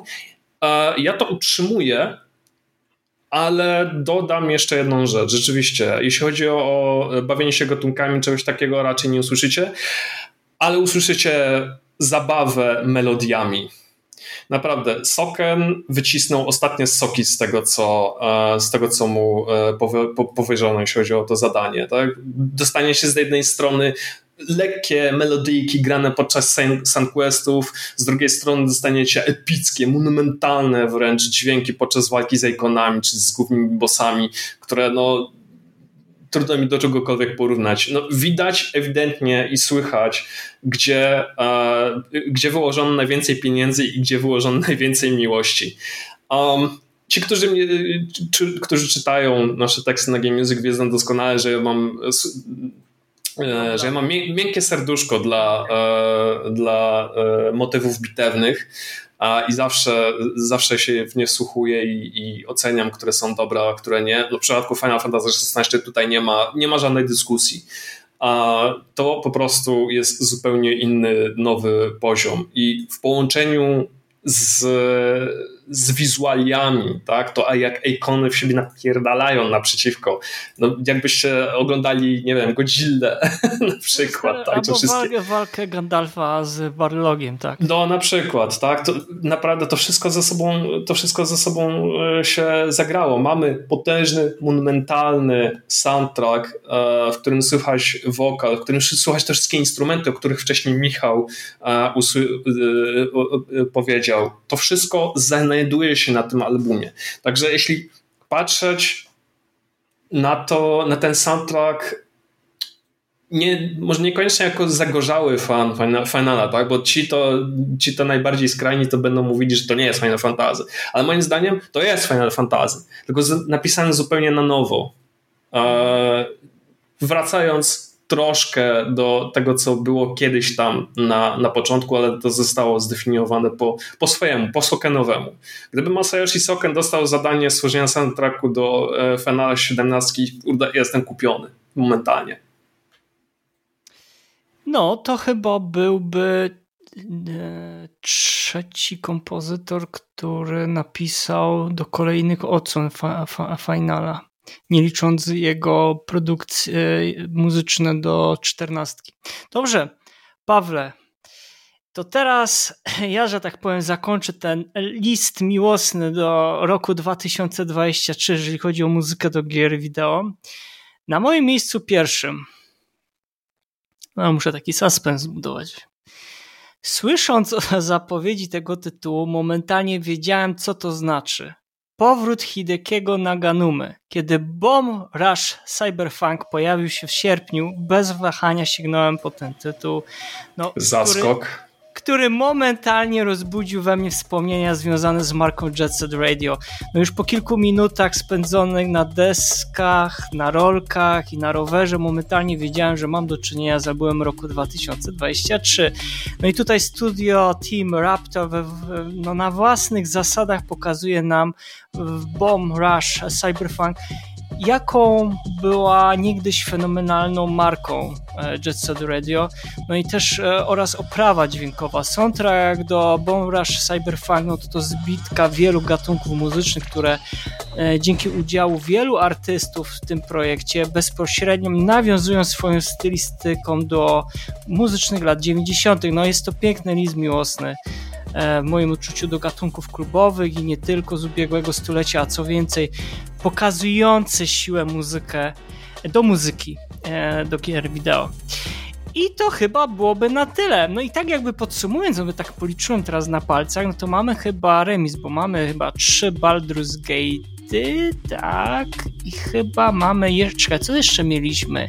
Alana Wake'a nie, Hogwarts Legacy chyba mamy chyba potrójnie. Znaczy, wychodził, wychodziłoby na to, że jakbyśmy mieli dzisiaj faktycznie tak siąść i sobie powiedzieć, no to byśmy pewnie wybrali między tymi dwoma tytułami jako cała redakcja, tak? Jednym głosem, że albumem roku 2023 pewnie e, był Baldur's Gate albo Hogwarts Legacy. No, to już jakby zostawiamy Wam, w, dom, drodzy słuchacze, widzowie i słuchaczki, e, w domyśle, e, jaki album by tak naprawdę przez nas byłby wybranym, jeżeli chodzi o album rok, o roku 2023. I pytanie jeszcze do Was, czy Macie jakiś taki album, który was e, zawiódł? Może nie, że to był najgorszy album może, ale że na przykład was zawiódł. Mieliście jakieś może oczekiwania, ale jednak e, kiedy przesłuchaliście, to powiedzieliście, a jednak coś zabrakło w tym albumie. Konradzie, czy ty masz taki album? No i właśnie tak jak zapowiadałem, tutaj będzie dość dziwnie, bo moim największym zawodem 2023 roku jest soundtrack z Baldur's Gate 3. Okej. Okay. Dobrze. Doceniam, doceniam pracę, doceniam e, skalę, doceniam próbę sprostania wyzwaniu, jakie stanęło przed Borisławem i naprawdę starałem się być jak najbardziej obiektywny, ale serce fana starej dylogii, czyli Baldura 1 2 jest tutaj nieprzejednane. I rozumiem argumentację, że to są nowe czasy, bo fabuła Baldura III dzieje się chyba 150 lat po Baldurze II i jedynce, gdzie między jedynką i dwójką tak naprawdę jest bardzo krótka, e, krótka przepaść e, fabularnie czasowa. E, I i, i, że skoro mamy nowe czasy, no to mamy nową muzykę, nowych kompozytorów, nowe problemy życiowe i tak dalej, i tak dalej. Świat się zmienił e, w realu i świat też w zapomnianych krainach e, jak najbardziej miał prawo się zmienić, a nie stać w stagnacji. I ja to wszystko rozumiem. Mm, stąd też rozumiem, dlaczego tak wielu nowych graczy Baldur's Gate'a trójki, ludzi, którzy po raz, których pierwszym Baldurem jest Baldur's Gate trzeci, E, tak, tak wielbi zarówno historię, jak i gameplay design, jak i e, też soundtrack Borisława i to też w całości, tak, z osobna, czyli zarówno motywy, jak i, jak i cały soundtrack, jak i piosenki razem z osobna, jakby w, każdym, w każdą stronę, w każdą konfigurację. Natomiast tutaj będę chyba może nawet nie, że dumnym, ale, ale po prostu zaakceptuję fakt tego, że jestem baldurowym dziadersem i dla mnie praca e, wykonana przy Baldurze pierwszym i drugim przez Michaela Henicha, przy Troniwala praca Inona Zura, to są e, to są te klimaty muzyczne, które sprawiły, że mm, że pokochałem gry wideo, że, że potrafiłem stracić przy E, grach umiejscowionych w zapomnianych krainach, bo też w Icewind Dale'u jedynce i dwójce potrafiłem stracić setki godzin. Ile razy dostałem szlaban od rodziców na, na siedzenie przy komputerze, no to tylko i wyłącznie przy Baldurze. Tak? Jakby żadna cywilizacja, żadne heroesy nie były w stanie mnie w tamtych czasach doprowadzić do tego, żebym po prostu zarywał nockę e, w środku tygodnia przy, przy, przy monitorze i był łapany gdzieś tam o drugiej, e, trzeciej nad ranem przez rodziców wiesz, z totalną zrybką, że po prostu szlaban, zabieramy ci kable do zasilania komputera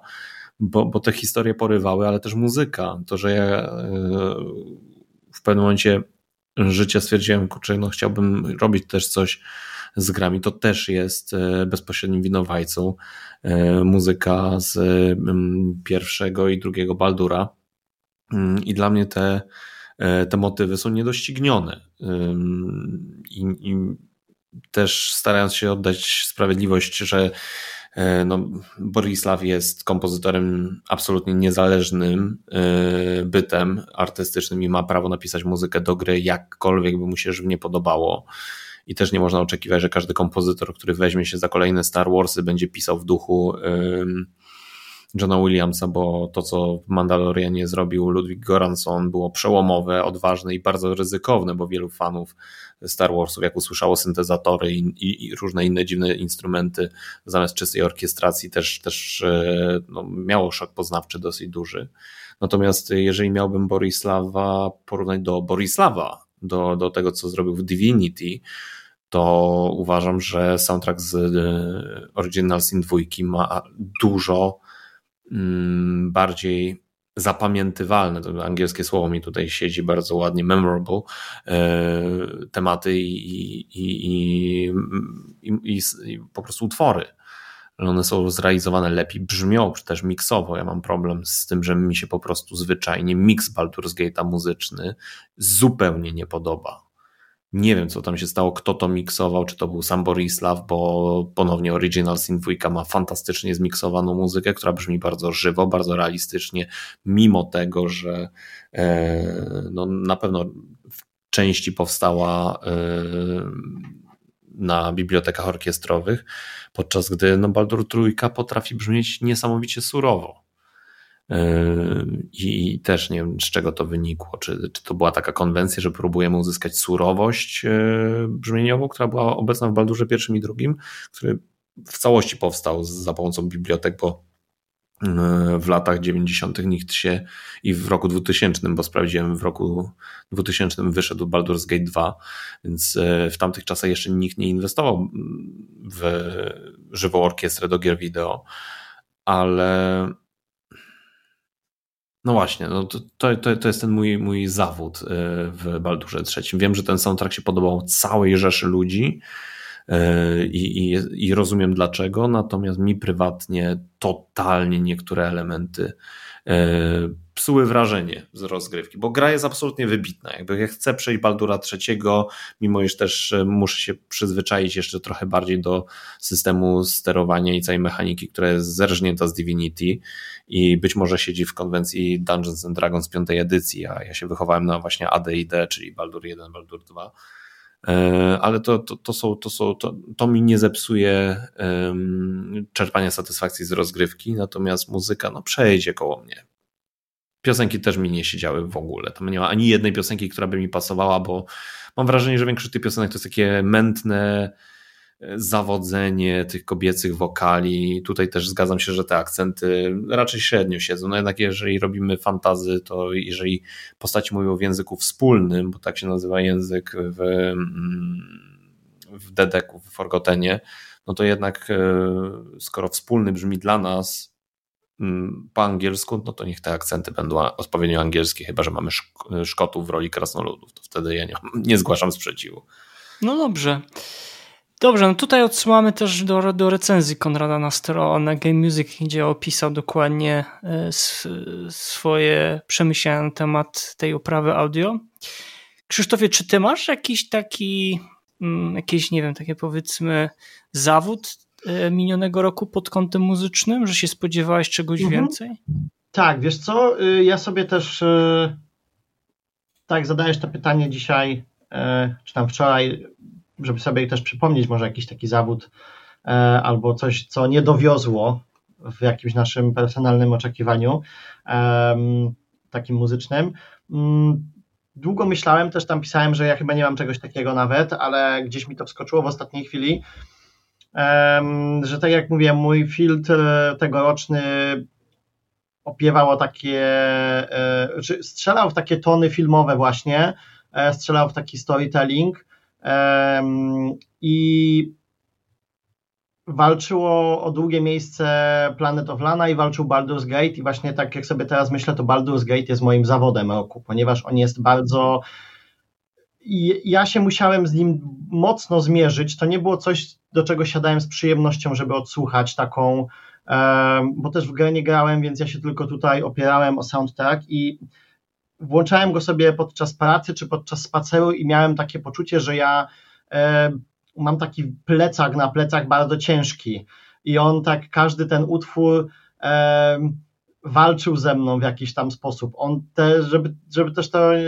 źle nie zabrzmiało, te utwory są dobre. One są jak najbardziej skomponowane e, w dobry sposób i pewnie w grze siedzą może lepiej, nie? Może lepiej tego się słucha, natomiast jak to słuchałem solo i no miałem takie wrażenie, że o ile Planet of Lana mi się słuchało po prostu wybitnie lekko, wybitnie przyjemnie i i tak jakby ten soundtrack był kompletny, tak tutaj cały czas miałem takie wrażenie, że że co jeden utwór w Baldur's Gate 3 to jest trochę e, trochę jakby chce złapać Sorok, Borisław Slawo chciał złapać wiele Sorok za ogony i on nie jest taki spójny według mnie, nie, nie jest taki charakterystyczny, a przede wszystkim nie ma tego storytellingu, o, który mi chodzi. Już nawet Spider-Man według mnie miał dużo lepszy storytelling. Może to też jest nieobiektywne, no bo w Spider-Mana grałem, ale no też te same porównywanie RPG, który jest bardzo randomowy, jeśli chodzi o zachowania gracza i bardzo różnie gracze grają w to, a do takiej liniowej gry akcji, no to jednak w liniowej grze akcji ta muzyka musi siedzieć bardziej, musi być mocniej osadzona i musi e, gracza tak jakby odpowiednio wprowadzać pewien stan, bo wymaga się od niego większego czasu, mniejszego czasu reakcji na pewne rzeczy niż w RPG-u. Um, I ja nie, też nie mówię, że ten soundtrack do Baldur's Gate jest zły, tylko tak jak mówię, on nie, e, nie dowiózł w tych aspektach, w których ja oceniałem w tym roku ścieżki dźwiękowe. Mhm. Okej, okay. super, dzięki za podzielenie się. E, Marcinie, a ty miałeś jakiś album, który cię zawiódł e, w minionym roku? No, ja miałem mały problem, bo miałem dwa tytuły właściwie. Nie wiedziałem, który Tylko tutaj nominować. Dwa? Wow, to, to, to coś ze mną jest nie tak. Nie, może wiesz co, może powiem tak, dwa, które dane mi było mi grać i recenzować. Okay. E, I było to albo Assassin's Creed Mirage, albo Diablo 4. E, ale o ile no Assassin's Creed Mirage słucha się całkiem przyjemnie poza grą, tak no Diablo 4 po prostu mnie męczy zarówno w grze, jak i poza nią. I wydaje mi się, że chyba tutaj z Krzyśkiem i, i Konradem musimy iść na piwo i porozmawiać o Diablo 4 Poważnie. o, o, o Baldur's. Gate 3. um, nie, po prostu boli to. Y, boli mnie, bo, bo Diablo 4 miało być moją grą no, roku 2023 i no, widziałem ją w moich nominacjach a wyszło jak wyszło. E, zapraszam do też mojej recenzji po więcej informacji. E, bo koniec końców, no, cały soundtrack jest bodajże też na Spotify i, i na mojej playliście znalazły się chyba trzy, może cztery utwory, które tak naprawdę wydaje mi się, że robią robotę i, i chciałoby się, żeby większa część soundtracku taka była. Tam jest bodajże motyw Girandai, e, motyw Zarbinzet i Drzewa Szeptów. To są takie trzy motywy, które, które no naprawdę się fajnie słucha. E, natomiast no, jak połączysz te wszystkie trzy, trzy, trzy utwory, pomyślisz o nich, to no, we wszystkich trzech brakuje dynamiki, brakuje jakiejś charyzmy. I teraz no, zrobisz cały soundtrack, tam ponad godzinny y, soundtrack pełen smęciorów, no i nijak ma się to do, y, do hack and slasha, tak? E, zwyczajnie po prostu wydaje mi się, że e, no, słychać, że Diablo bez Mata Wellmana to nie Diablo. E, nie ratuje tutaj Derek Duke w utworze w menu głównym, nie ratuje Neil Acree w ostatnim utworze Confrontation, no ale tak jak powiedziałem, no to po prostu nie jest jedyny problem tego soundtracku, bo muzyce brakuje zwyczajnie też spójności i, i dynamiki. No, dostaliśmy smętny soundtrack do gry Hack and Slash i to jest no, bardzo duży kontrast, niestety. Mhm. No to faktycznie trzeba się, tak jak będzie zjazd e, redakcji, to będzie o czym gadać. Mhm. I, to chyba e, zrobimy osobny odcinek. tak, rant, będzie rant, będzie rant. Ro roast. Tak, Fame MMA, roast. jeśli chodzi o, o Baldur's Gate'a. No, nowy Fame MMA, nowa formuła. MMA tak RPG. Tak I zaprosimy kompozytorów. Będą wirtualne te gongi. Tak, bójka z recenzentami. Tak jest.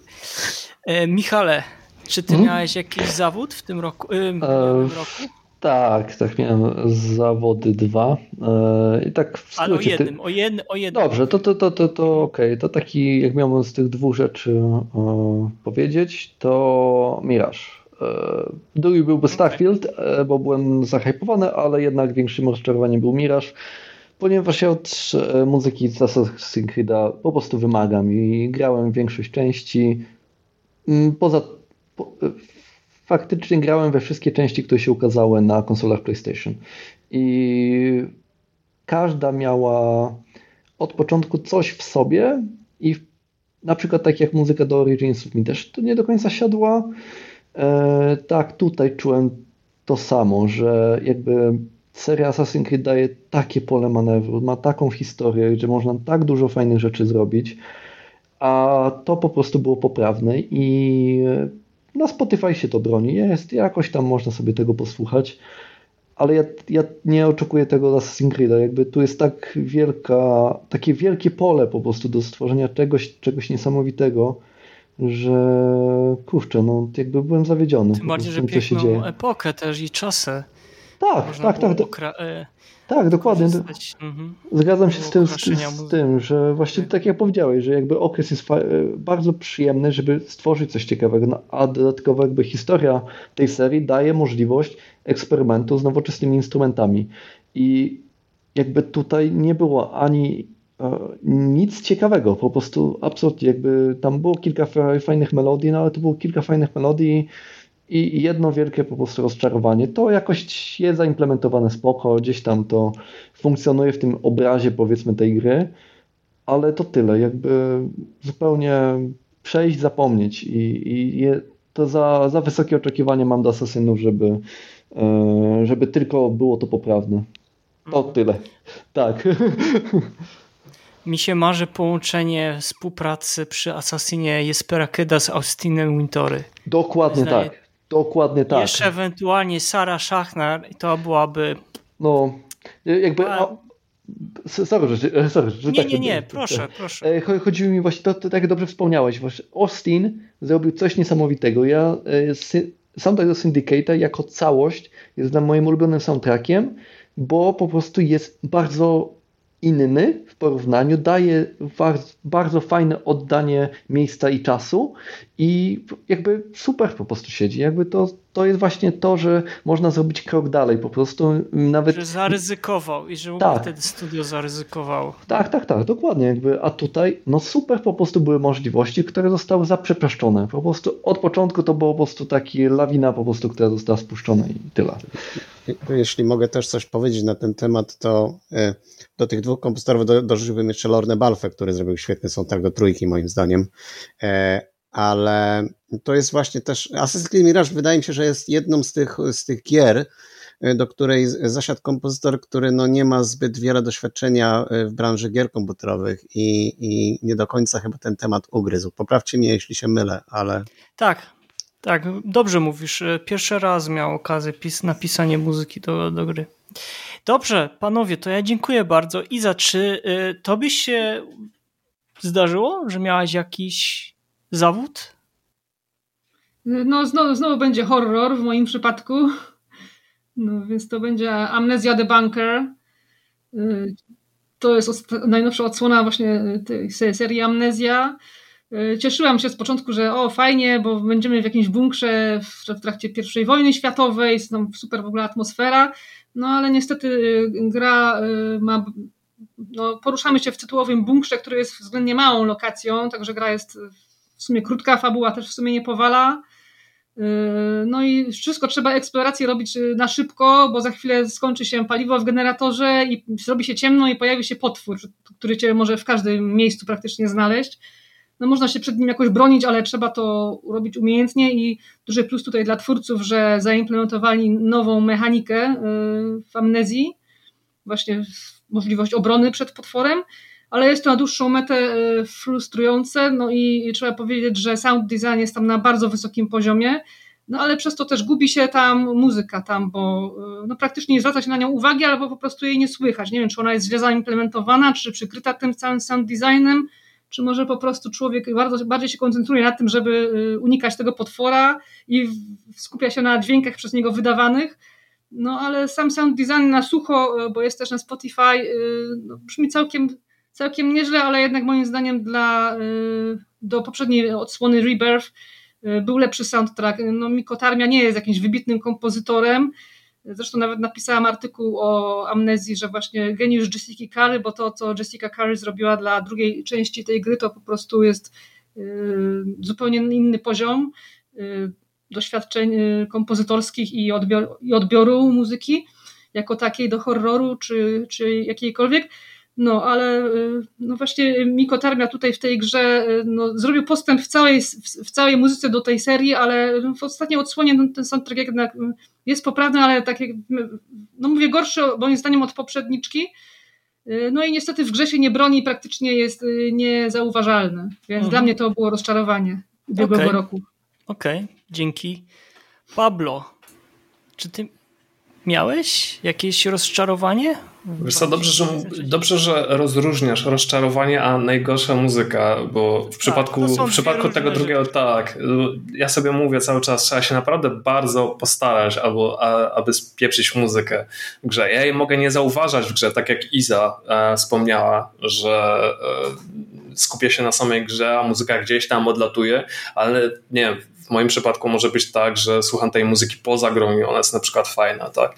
Um, myślałem o takim zawodzie i też e, też się nad tym e, długo zastanawiałem. E, Asasyna nie będę kopał, nie, będę kopał leżącego.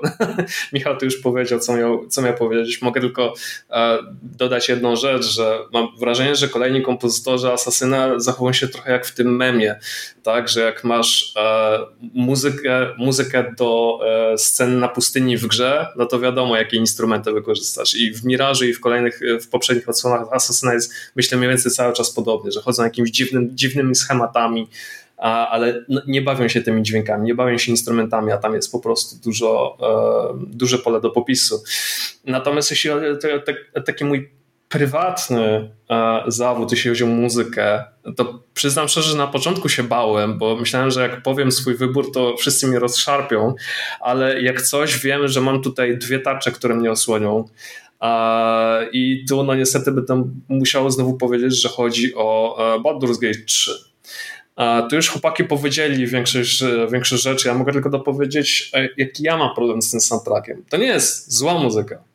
Tak, dobrze mi się tego słuchało. Tylko problem z tym mam taki, że ta muzyka nie ma swojej własnej tożsamości w sumie. Ja mam takie wrażenie, miałem takie wrażenie słuchając tego albumu, że e, słucham kolejnego, kolejnego dzieła Borisława Slawowa do Divinity, że on po prostu tworzy swoją muzykę jakoś taśmowo i przy okazji stworzył, e, nie nie chcę powiedzieć odpady, tak, ale stworzył po prostu jakieś dodatkowe utwory i po prostu wrzucił je do, e, do Baldura 3. I takie miałem e, głównie wrażenie, że ta muzyka jest taka jakbyście mnie puścili poza grą, momentalnie bym powiedział, że to jest ok, że to jest Boris Naslaw i że to jest Divinity, że to nie jest Baldur's Gate, to jest Divinity. E, Konrad może to potwierdzić, są tam chyba dwa albo trzy takie utwory, które zostały wręcz żywcem wyjęte z, z tej serii. Są tam takie melodie, które mocno przypominają Original Sin, zwłaszcza, zwłaszcza dwójkę. Um, ja mam takie wrażenie, dlaczego y, skoro Divinity jest takim dość też dużym dziełem muzycznym, czemu wzięli Bolesława do drugiego dużego dzieła, które dzieje się w zasadzie w bardzo podobnym settingu? Czy to nie bali się tej wtórności, która jest jednak wyczuwalna, tak czy tak? No tak, ale Borysław jest audiodyrektorem e, w Larianie. No i to jest problem. No i to jest problem. Może powinien po prostu komuś, nie zająć się, jeśli jest w, w, w, game, w game developingu znajduje się gdzieś wyżej w hierarchii, może powinien, nie wiem, zatrudnić osobę, która zajmowa, zajęłaby się tworzeniem muzyki, on by, byłby, nie wiem, nadzorowałby tę pracę, no trudno mi powiedzieć. No tak czy inaczej, no, mówię, ja miałem, słuchając, słuchając tego albumu, miałem wrażenie z kolejną taką taśmową produkcją e, Boryslawa i w sumie to jest taka tylko moja uwaga. No dobrze, ale mimo wszystko z tymi pozytywnymi akcentami myślę, że można śmiało zakończyć rok 2023 za jakby powiedzmy udany. Czy to był kolejny krok ku stronę e, lepszej, lepszej jakości, e, nowym pomysłom, e, kompozytorom, kompozytorkom, które mogą też zaistnieć? To się okaże pewnie w 2024 E, ja liczę na to, że troszeczkę zwolni odrobinę ten pociąg zwany, e, że tak, e, że tak ujmę, studiami, które tworzą rozrywkę, ale nie taśmowo, ale też z pasji, z pasji do gier i z pasji do muzyki, że będziemy mieli więcej niezależnych produkcji, które też zaistnieją w w tym roku, też pod kątem oczywiście muzycznym. No i też wszystkim dużym produkcjom życzę wszystkiego najlepszego i chyba wszyscy się pod tym podpisujemy i też trzymamy kciuki, żeby muzyka do gier dalej się rozwijała e, tak, jakbyśmy sobie tego e, indywidualnie życzyli. Ja Wam bardzo serdecznie dziękuję Wam dzisiaj, że poświęciliście tyle czasu i podzieliliście się swoimi e, przemyśleniami na temat albumów, które rozkochały może w Was na nową muzykę do gier, bądź może zainspirowały do tworzenia mm, na boku własnej muzyki. A dziękuję też Wam, widzom, słuchaczom i słuchaczkom za słuchanie e, podcastu Słuchaj Gier e, za rok 2023. E, no z Pawem szykujemy dwa premierowe nowe odcinki e, podcastu Słuchaj Gier już w formie wideo, tak więc e, wyczekujcie. Za niedługo pewnie coś więcej powiemy, pokażemy. Z tego miejsca w naszym wirtualnym studiu chciałbym podziękować Pawłowi Dębowskiemu. Mieliście okazję przesłuchać 78 odcinek podcastu Słuchaj Gier. E, zapraszamy Was do subskrybowania, e, słuchania kolejnych starszych odsłon. Dziękujemy, że jesteście i pamiętajcie, słuchajcie gier. Trzymajcie się ciepło, do usłyszenia, do zobaczenia. Cześć. Słuchaj. Słuchaj. Słuchaj. Słuchaj. Słuchaj. Słuchaj. Słuchaj. Słuchaj. Gier.